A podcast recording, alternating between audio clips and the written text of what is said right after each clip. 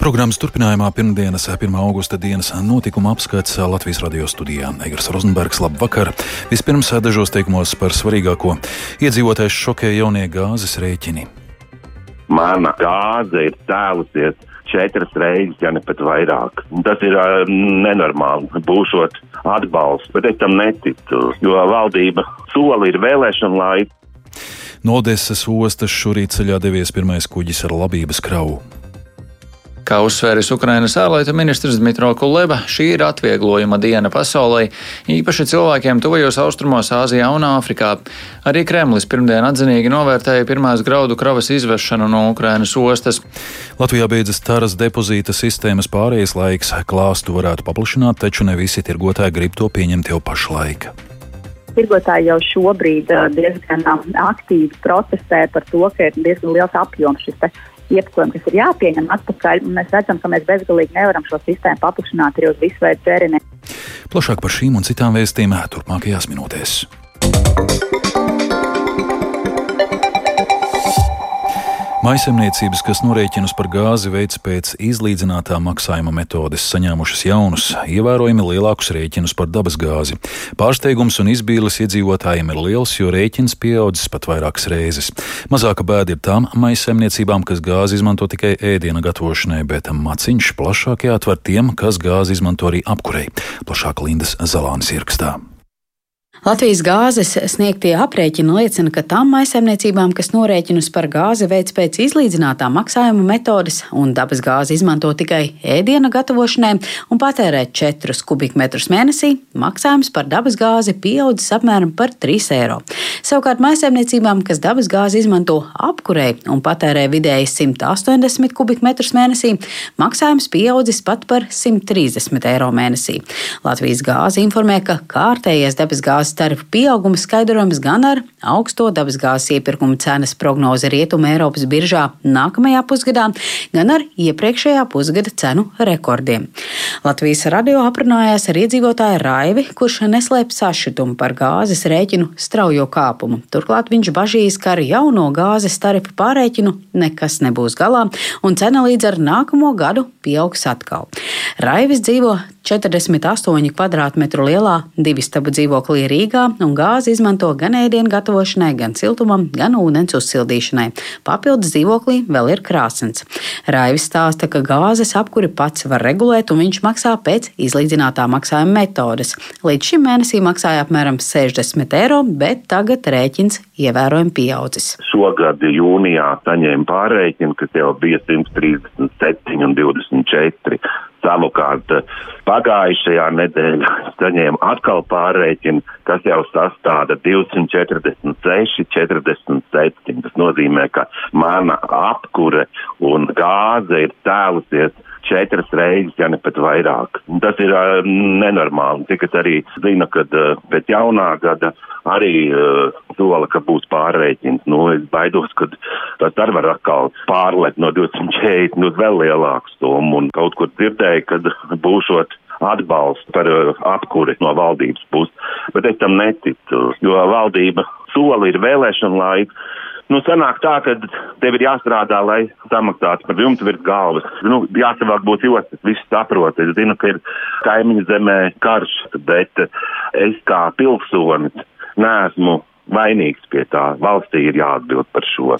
Arī Normunds saņēmis jauno gāzes rēķinu izlīdzinātajam maksājumam un pauž, ka pieaugums ir būtisks. Līdz ar to meklē jaunu mājokli. Pat labam viņš dzīvo 80 km2 plašā dzīvoklī Rīgā, kuram ir savs autonoms gāzes katls, kuram var regulēt patēriņu. Ja vēl pagājušā vasarā izlīdzinātajā maksājumā Normunds par gāzi mēnesī maksāja līdz 40 eiro mēnesī, tad pirms vairākiem mēnešiem maksājums pieauga jau līdz 112 eiro mēnesī, bet pagājušā nedēļā saņemtajā rēķinā tarifs jau pieaudzis līdz 180 eiro mēnesī. Nē, nu mēs mainīsim dzīvokli, tur jau bez variantiem. Nav ekonomiski vairs izdevīgi uzturēties dzīvoklī ar uh, tādu apkursu gāzes ciparu. Tas nav normāli. Un tas ir dzīvoklis, tā nav māja. Un ņemot vērā, ka ne tikai gāze ir sadārdzinājusies dzīvoklim, jau arī apsaimniekošana, ūdens, tāpat arī kā elektropatēriņš. Droši vien šobrīd mēs skatīsimies visticamāk, ka centrāla apkūra viņa ziemas mēnešos būs dārga. bet tie ir tikai ziemas mēneši, tad tā summa nedaudz izlīdzināsies neapkuras sezonā. Bet, protams, arī mēs meklēsim kādu, kas ir energoefektīvāku, jaunāku māju, labāk nosiltinātu vai kāda no renovētajām mājām, kam ir iespēja regulēt pašam to siltumu. Elektroenerģijas tirgotājs IA Enefita biznesa segmenta vadītājs Edgars Cvetkovs skaidro, ka maksāšanas metodas ir trīs. Par gāzi var maksāt pēc biržas cenas, fiksētas cenas vai veikt izlīdzināto maksājumu. Es kā klients vienkārši pārreikinu laikā saņemšu tad, korekcijas, vai es esmu patērējis vairāk vai mazāk. Es vairs neko atpakaļ gaitā nevarēšu samazināt. Bet, ja man ir fiksēta cena vai biržas cena, tad es pats varu katru mēnesi sekot līdzi savam rēķinam, tomēr samazināt savu patēriņu, nezinu, kaut ko izslēgt iespējams vai tērēt mazāk, tādā veidā arī konceptuāli samazinot savu ikmēneša rēķinu un gala izmaksas. Tāpēc tas izlīdzinātais maksājums, manuprāt, klientam sniedz ļoti nepareizu priekšstatu par to, ka viņš tiešām var rēķināties ar konkrētām izmaksām. Tās konkrētās izmaksas ir tikai pāris mēneši, un tajā brīdī, kad tiek saņemts pārreķins, tas būtībā vispār izmaina klienta norēķina kārtību. Pēc Edgara Cvetko paustā arī situācijā, kad gāzes cena pieaug, maksāšanas metode ir vērts mainīt. Viņuprāt, izlīdzinātais maksājums no caurspīdīguma puses ir visa neveiksmīgākais piedāvājums mājasēmniecībām, un klientiem ir grūti salīdzināt arī dažādu tirgotāju piedāvājumu. Linda Zalāne, Latvijas radio. Reaģējot uz nedēļas nogalē sociālajos tīklos vērojamo iedzīvotāju neapmierinātību ar augstiem gāzes rēķiniem un pārmetumiem, ka valdība devusies atvaļinājumā un neko nedara krīzes saku mazināšanai, premjerministrs Krišjānis Kāriņš no jaunās vienotības sociālajā tīmekļa vietnē Twitter vien norādījis, ka valdība ir konceptuāli lēmusi par atbalsta pakotni iedzīvotājiem 350 miljonu eiro apjomā nākamajā apkuras sezonā. Noteikumus atbalsta iedzīvināšanai gatavojot uz aiznākamās otrdienas valdības sēdi. Līdzīgi izvairīgi par jaunā jaunākiem rēķiniem un iedzīvotāju pabalstīšanu runā ekonomikas ministre Ilze Indriksone no Nacionālās apvienības. Viņu iztaujāja Edgars Kupčs. Šie rēķini ir tiem cilvēkiem, kam ir saucamais izlīdzinātais maksājums. Viņi jau šobrīd maksā faktiski nākamās apkurses sezonas rēķinus. Tad valsts arī šiem cilvēkiem būs tā, kā saka, pārēķins būs un pusi no sadārdzinājuma, kas ir virs pagājušā gada tarifa, tiks no valsts puses sekti. Šobrīd viņi vienkārši sākuši maksāt pirms jau rudens sezona ir sākusies, bet arī šiem cilvēkiem, kam ir izlīdzinātais maksājums, pienāksies arī par šiem maksājumiem tas pats atbalsts, kas visiem pārējiem. Ja tas rēķins iepriekšējā gadā bija nu, par to pašu pakalpojumu, piemēram, 100 eiro, un tagad viņš būs 200 eiro, tad no tiem papildus 100 eiro 50 eiro valsts uh, seks kompensē šo sadārdzinājumu pusi. Un kad sagaidām tāda pilnīga skaidrība cilvēkiem, kad ar ko rēķināties? Šobrīd jau ir skaidrība, ir visiem viss ir izstāstīts, un faktiski viņš sāks tiks piemērot ar nākamo apkuru sezonu šī atbalsta maksājuma. Faktiski regulējums likuma līmenī un uh, noteikuma līmenī tiek veidots, un tikko ministru kabinets atsāks uh, regulāras sēdes, tad arī tiks apstiprināts, bet koncepts ir pilnīgi skaidrs, un arī informācija sabiedrībai ir sniegta, kāda veida šī atbalsta pasākuma būs. Bet tas cilvēks, kas to rēķinu vakar ir saņēmis, kad viņš var sagaidīt atbalstu par nu, šo konkrēto rēķinu? Šobrīd es jums uh, tik detalizēti tieši precīzi datumu nepateikšu, jo es nezinu, kā tie pakalpojums sniedzēji šos rēķinus pārēķinās, kurā brīdī. Tas princips ir tāds, ka tie rēķini, kas nāks tieši apkurs sezonā, tie jau nāks, kur jau būs redzams daļai noņemtais uh, maksājums nost, un rēķinā būs redzama valsts samaksātā daļa, ko valsts ir iedzīvotāju vietā samaksājusi. Bet, ja ir šie avans maksājumi, tad es vienkārši pajautāju, cilvēkiem, kam ir tāda veida rēķini, viņiem ir atnācis pēc tam pārēķins un faktiski nebija jāmaksā kaut kāds rēķins nākamais. Bet vai tā būs un kad tas būs, to tad cilvēki augustā varētu tikt pie kādas skaidrības? Skaidrība ir jau šobrīd, ka viņiem 50% no sadārdinājuma valsts seks. Apkurs sezona parasti sākas oktobrī. Viņi saņemot jau apkurs rēķinu par oktobra mēnesi, tajā rēķinā redzēs šo daļu, ko valsts ir samaksājusi viņu vietā. Par jūliju. Jā, nu tas nozīmē, ka arī tiem, kam uz atpakaļ, tiem būs pārreķins. Viņiem faktiski tad tajā brīdī būs tie rēķini mazāki. Tad novembrī vajadzētu ieraudzīt izmaiņas. Jā, noteikti, noteikti. Publiskajā telpā gan sāk parādīties arī ekspertu viedokļi, ka ar valdības paredzētiem 350 miljoniem eiro atbalsta pasākumiem iedzīvotājiem nepietiks. Piemēram, bankas citadele ekonomists pauž, ka viņa prātā 350 miljonu eiro bija par maz pat tad, kad gāze bija divas reizes lētāka.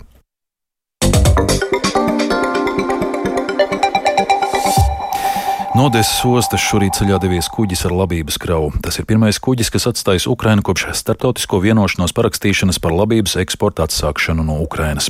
Ukraina un Krievija šo soli vērtē pozitīvi, tikmēr Eiropas Savienība un NATO aicina Krieviju pilnībā ievērot vienošanos. Tikmēr kāda augsta ranga Krievijas amatpersona izklāstījusi plānus par Krievijas armijas sagrautās Ukrainas dienvidu ostas pilsētas Mariupolis atjaunošanu. Plašāk stāsta Rihards Plūmē. Kuģis Razonī, kam ir Sierra Leones karoks, šorīt no Odesas ostas devies uz Libānas ostu Tripoli ar 26 tūkstošiem tonu lielu kukurūzas kravu. Pa ceļam kuģim jāpiestāj Stambulā, kur to pārbaudīs pagājušajā nedēļā atklātajā Ukrainas labības eksporta kopīgajā koordinācijas centrā. Tajā strādā civilais un militārais personāls no Ukrainas un Krievijas, kā arī Turcijas un ANO pārstāvji. Viņu galvenais uzdevums ir uzraudzīt, lai Ukrainas kuģi ar labības kravām droši pārvietojas pa noteikti noteiktajiem maršrutiem, kā arī uzraudzīt pārbaudes vai kuģos uz Melno jūru un no tās netiek vesti aizliegti ieroči. Kā uzsvēris Ukrainas ārlietu ministrs Dmitro Kuleba, šī ir atvieglojuma diena pasaulē, īpaši cilvēkiem tuvajos austrumos, Āzijā un Āfrikā. Arī Kremlis pirmdien atzinīgi novērtēja pirmās graudu kravas izvešanu no Ukrainas ostas. Turpina Kremļa runas vīrs Dmitrijs Peskovs. Patiesībā pirmā kuģa izbraukšana ir ļoti pozitīva. Laba iespēja pārbaudīt to mehānismu efektivitāti, par kuriem tika panākta vienošanās Stambulas sarunās. Cerēsim, ka vienošanās tiks īstenotas no visām pusēm un mehānisms darbosies efektīvi. Tikmēr Eiropas Savienība un NATO apsveikušas pirmo graudu kravas izvešanu no Ukrainas kā pirmo soli Krievijas iebrukuma izraisītās pārtikas krīzes mazināšanai. Turpina Eiropas Savienības pārstāvis Peters Stano. Eiropas Savienība apsveic pirmā tirzniecības kuģa iziešanu no Odesas ostas, kas notikusi saskaņā ar 22. jūlijā parakstīto Melnās jūras graudu vienošanos. Šis ir apsveicams pirmais solis ceļā uz Krievijas neleģitīmās agresijas dēļ dēļ veicināto pārtiks krīzes mazināšanu. Mēs sagaidām, ka tiks ievērota visa vienošanās un Ukrainas eksports atsāksies pie patērētājiem visā pasaulē, kur tas nepieciešams. Jo negatīvās sekas, ko radījusi Krievijas agresija pret Ukrainu un Ukrainas ostu bloķēšana, ietekmē visneaizsargātākos cilvēkus Āfrikā, Āzijā un Tuvajos Austrumos. Savukārt NATO ģenerālsekretārs Jens Stoltenbergs sacīja, ka rietumu sabiedrotie stingri atbalsta pilnīgas vienošanās īstenošanu, lai atvieglotu globālo pārtikas krīzi, ko izraisīs Krievijas karš Ukrainā.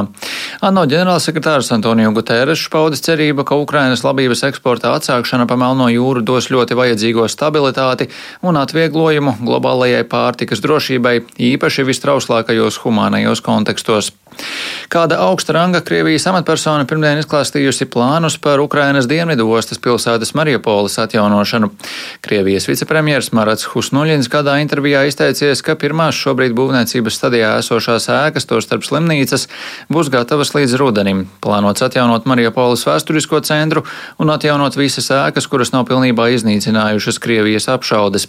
Šāds solis vērtējams kā daļa no Maskavas plašākiem centieniem iegūt atbalstu Ukrainas reģionos, kas kas ir nonākuši Krievijas kontrolē kopš februāra. Rihards Plūme, Latvijas radio. Kosovas ziemeļu daļā dzīvojošie serbi šodien aizvākuši barikādes, kas traucē brīvi šķērsot robežu ar Serbiju. Šāds lēmums pieņemts vien dažas stundas pēc tam, kad reģionā izcēlās apšaudes un sāk skanēt gaisa trauksmes sirēnas, pastiprinot bažas par pieaugušo etnisko spriedzi starp serbiem un etniskiem albāņiem. Vairāk par aktualitātēm šajā reģionā stāsta Uģis Lībietis. Kā liecina aģentūras AFP sniegtā informācija, pēc tam, kad Kosovas varas iestādes izlēma atlikt jauno ceļošanas ierobežojumu ieviešanu, robežu šķērsošanas vietās ir novākts gan izvietotās barjeras, gan ceļu aizšķērsojušās automašīnas. Tagad robežas šķērsošanas notiek bez traucējumiem. Vienlaikus kļuvis zināms, ka Eiropas Savienības augstais pārstāvis ārlietās Žozefs Borģels ir uzaicinājis uz Briseli gan Serbijas prezidentu Aleksandru Vučiču, gan Kosovas premjerministru Albinu Kurti, lai ar abiem politiķiem turpinātu dialogu par visiem neatrisinātiem jautājumiem. Avoti Briselē iepriekš reizi vien ir izteikušies, ka saspīlējums ir saistīts ar abu pušu līderu nevēlēšanos sēsties pie sarunu galda un turpināt tā dēvēto Briseles dialogu. ASV prezidents Džo Baidens aicinājis Krieviju un Ķīnu iesaistīties sarunās par kodolieroču bruņojuma kontroli. Pēc ASV prezidenta vārdiem visām trim valstīm ir pienākums rūpēties par to, lai kodolieroču neizplatīšanas līgums darbotos, tādējādi vairojot drošību visā pasaulē. Turpina Uģis Lībietis. Līdzinājais līgums, kas regulē ASV un Krievijas rīcībā esošo starpkontinentālo kodolieroču bruņojumu apjomu, būs spēkā līdz 2026. gadam. Kā paziņojis Džo Baidens, viņa administrācija ir gatava aktīvi iesaistīties diskusijās par jaunu līgumu noslēgšanu. Pēc Džo Baidena vārdiem, Krievijai, kas ir izvērsusi karu Ukrainā un apdraudējusi starptautiskās kārtības pašus pamatus, ir jāpierāda gatavība līdzdarboties šajās kodolsarunās ar vislabākajiem nodomiem.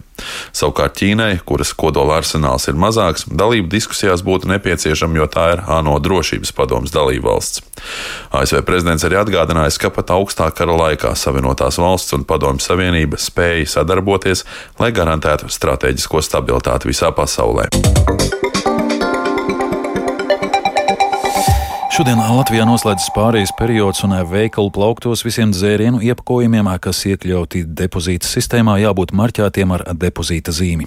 Kā vērtē valsts vides dienesta ģenerāldirektori Elita Baklāne Ansberga, iepakotāji un ražotāji ir veiksmīgi pielāgojušies sistēmai un apgūši tās darbību.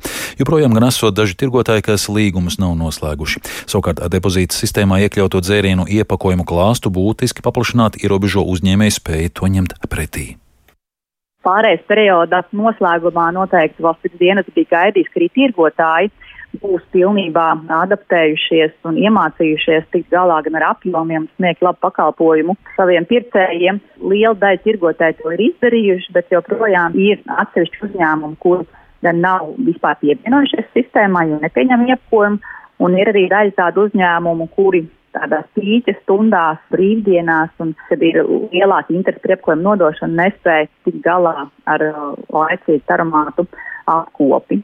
Kā arī ir nu, bažas tāds pelēkais virziņš vēl mazie tirgotāji, kuriem ir manuālā pieņemšana paredzēta, un tur arī ne visi tirgotāji jau ir atgriezuši un nogādājuši šķirošanas centru šo pieņemto iepakojumu, un līdz ar to pastāv bāža, ka patiesībā tā pieņemšana netiek organizēta. Cik būtu apmēram šīs vietas, kur ir tās problēmas? Noslēgt līgumu šobrīd nav pieciem uzņēmumiem, tās ir 32 tirdzniecības vietas, kas, protams, ja mēs runājam par 1500 kopā, 500 vietām ir niecīgs skaits, 28 tās joprojām ir bezstīklā, un tad ir 4 mazie veikaliņi. Ap 200 uh, varētu būt kā tādi manuālie pieņemšanas veida tirgotāji, par kuriem mums nav līdz šim tāda skaidra informācija, ka tiešām pakalpojums tiek nodrošināts. Bet sūtījums par šo pagaidām mēs neesam saņēmuši, tā kā nu, varbūt arī nav tāda pamata satraukumam. Un cik ilgā laikā jūs cerat ar šo sadaļu tikt galā? Attiecībā uz tiem tirgotājiem, kas ir noslēguši līgumus, intensīvāk strādā darbsīta operators. Valsts dienas ir pieslēdzies un palīdz operatoram risināt šo jautājumu ar tirgotājiem, kuri nav nemaz noslēguši līgumus. Šobrīd šo dažu mēnešu laikā mēs esam izsūtījuši brīdinājumus, dažus desmitus. Lielākā daļa uzņēmēju jau ar brīdinājumiem ir rēģējuši noslēguši līgumus, bet esam arī vairāk nekā 10 tūkstoši eiro kopumā jau piesprieduši šodienas tirgotājiem kuri nav noslēguši līgumus, un to mēs turpināsim darīt. Vai iekļauto iepakojumu skaits tomēr nav pārāk neliels pret kopējo iepakojumu apmēru? Ja mēs runājam par visu iepakojumu, tad, protams, šī ir pavisam niecīga daļa, bet, ja runa par dzērienu iepakojumu, tad dzērienu klāsts ir gana plašs. Ir uh, sistēmā reģistrēta vairāk nekā 4000 nosaukumi, un jau ap 3000 arī tiek atgriezta tāra. Bet, jā, es tieši saņemu jautājumu, kas būs ar piena produktiem, ar tetrapakām un citiem dzērieniem. Tirgotāji jau šobrīd uh, diezgan uh, aktīvi protestē par to, ka ir diezgan liels apjoms. Un mēs redzam, ka mēs bezgalīgi nevaram šo sistēmu paplašināt tirgotājiem, ierobežot iespējas pieņemt un uzglabāt līdz nodošanai tālāk iepakojumu. Tāpēc iepakojumi, kas šobrīd ir iekļauts, tie ir tie augstākā riska iepakojumi, kas visvairāk nonāca vidē.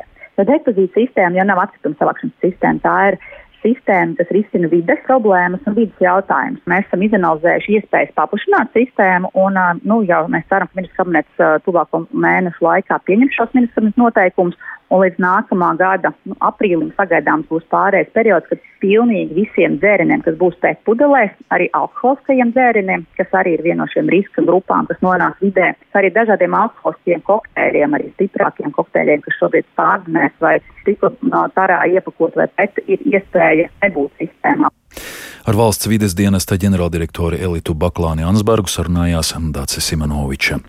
No šodienas epidurālā anestēzija dzemdībās ir valsts apmaksāta. Tie skaitā, ja vēlmi izsaka pati sieviete. Par to, vai konkrētajā iestādē veids šo anestēziju grūtniecei, jānoskaidro vēl pirms dzemdībām.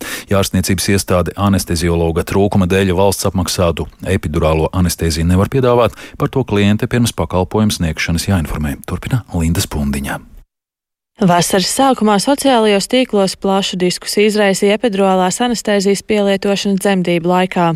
Vairākas sievietes pauda neapmierinātību, ka, lai arī šī atsāpināšana ir valsts apmaksāts pakalpojums, atsevišķās ārstniecības iestādēs par to prasa samaksu. Tāpēc šogad pirmo reizi atsāpināšanai dzemdībās piešķirts atsevišķs finansējums - vairāk nekā 1,3 miljonu eiro. Valsts apmaksāta epidurālā anestēzija dzemdībās ir arī pārējās Baltijas valstīs, kurās līdzīgi kā Latvijā ir nepietiekams anesteziologu skaits.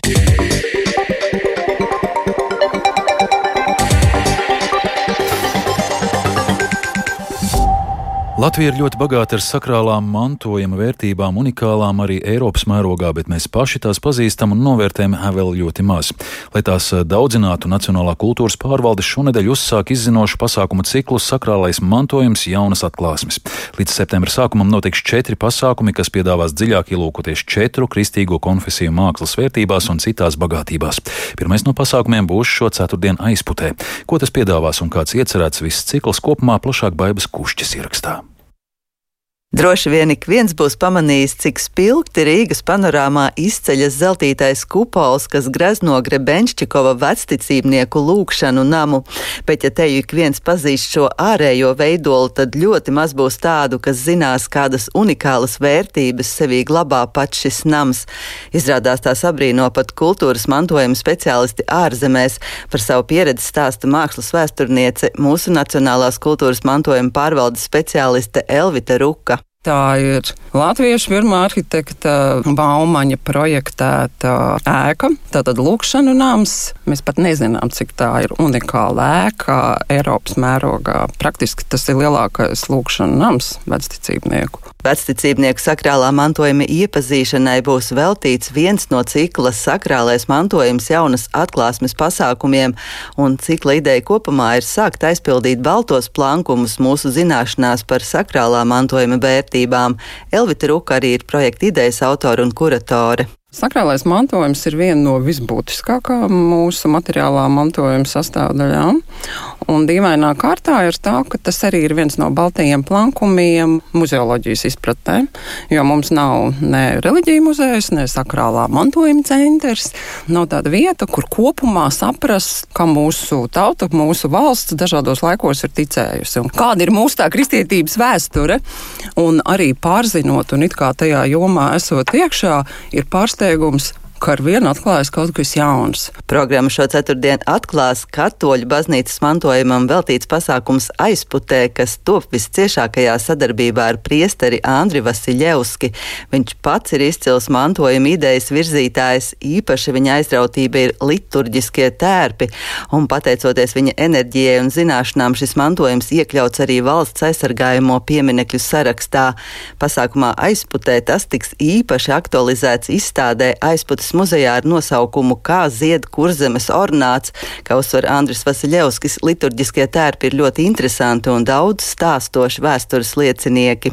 Šis nosaukums Kā zied kurzemes ornāts jau liecina par to, ka tas ir kaut kas, kas ir saistīts ar ornamentu, ar rotājumu, kas arī cēlies no latīņu valodas vārda. Ornāre, šis ārējais rotājums, priestera liturģiskais tērps. 19. augustā cikla pasākums notiks Rīgā jau pieminētajā Grebenšķikova draudzes kompleksā, kur viens no galvenajiem notikumiem būs vecticības vēstures muzeja iepazīšana. Tas atklāts jau pirms septiņiem gadiem, bet plašākai publikai vēl ir ļoti maz zināms. Augusta nogalē būs pasākums ar izzinošu pārgājienu, kurā tiks apceļotas Latvijā vissenāko sakrālo celtņu drupas, bet septembra sākumā būs kārta pareisticīgo mantojumam, ko pārstāvēs Jēkabs. Jēkabpils visvētākās dievmātes patvēruma baznīca Baiba Kušķe Latvijas radio. Un vēl saistībā ar dzelzceļa projektu Rail Baltica Gogoļa ielas pārvadā būvniecība Rīgā no ceturtdienas līdz nākamā gada sākumam gaidāmas būtiskas satiksmes un gāju plūsmas organizācijas izmaiņas Gogoļa ielā. Dzirdējāt 1. augusta dienas notikuma apskatu programmas producents Edgars Kupčs, par skanējumu rūpējās Iveta Zvēniec un Renāšs Štēmanis, studijā Egars Rozenbergs. Vēlreiz par svarīgāko iedzīvotājs šokē jaunie gāzes rēķini. No Odesas ostas šorīt ceļā devies pirmais kuģis ar labības kravu. Latvijā beidzas taras depozīta sistēmas pārējais laiks, klāstu varētu paplašināt, taču ne visi tirgotāji grib to pieņemt jau pat labanu. Yeah.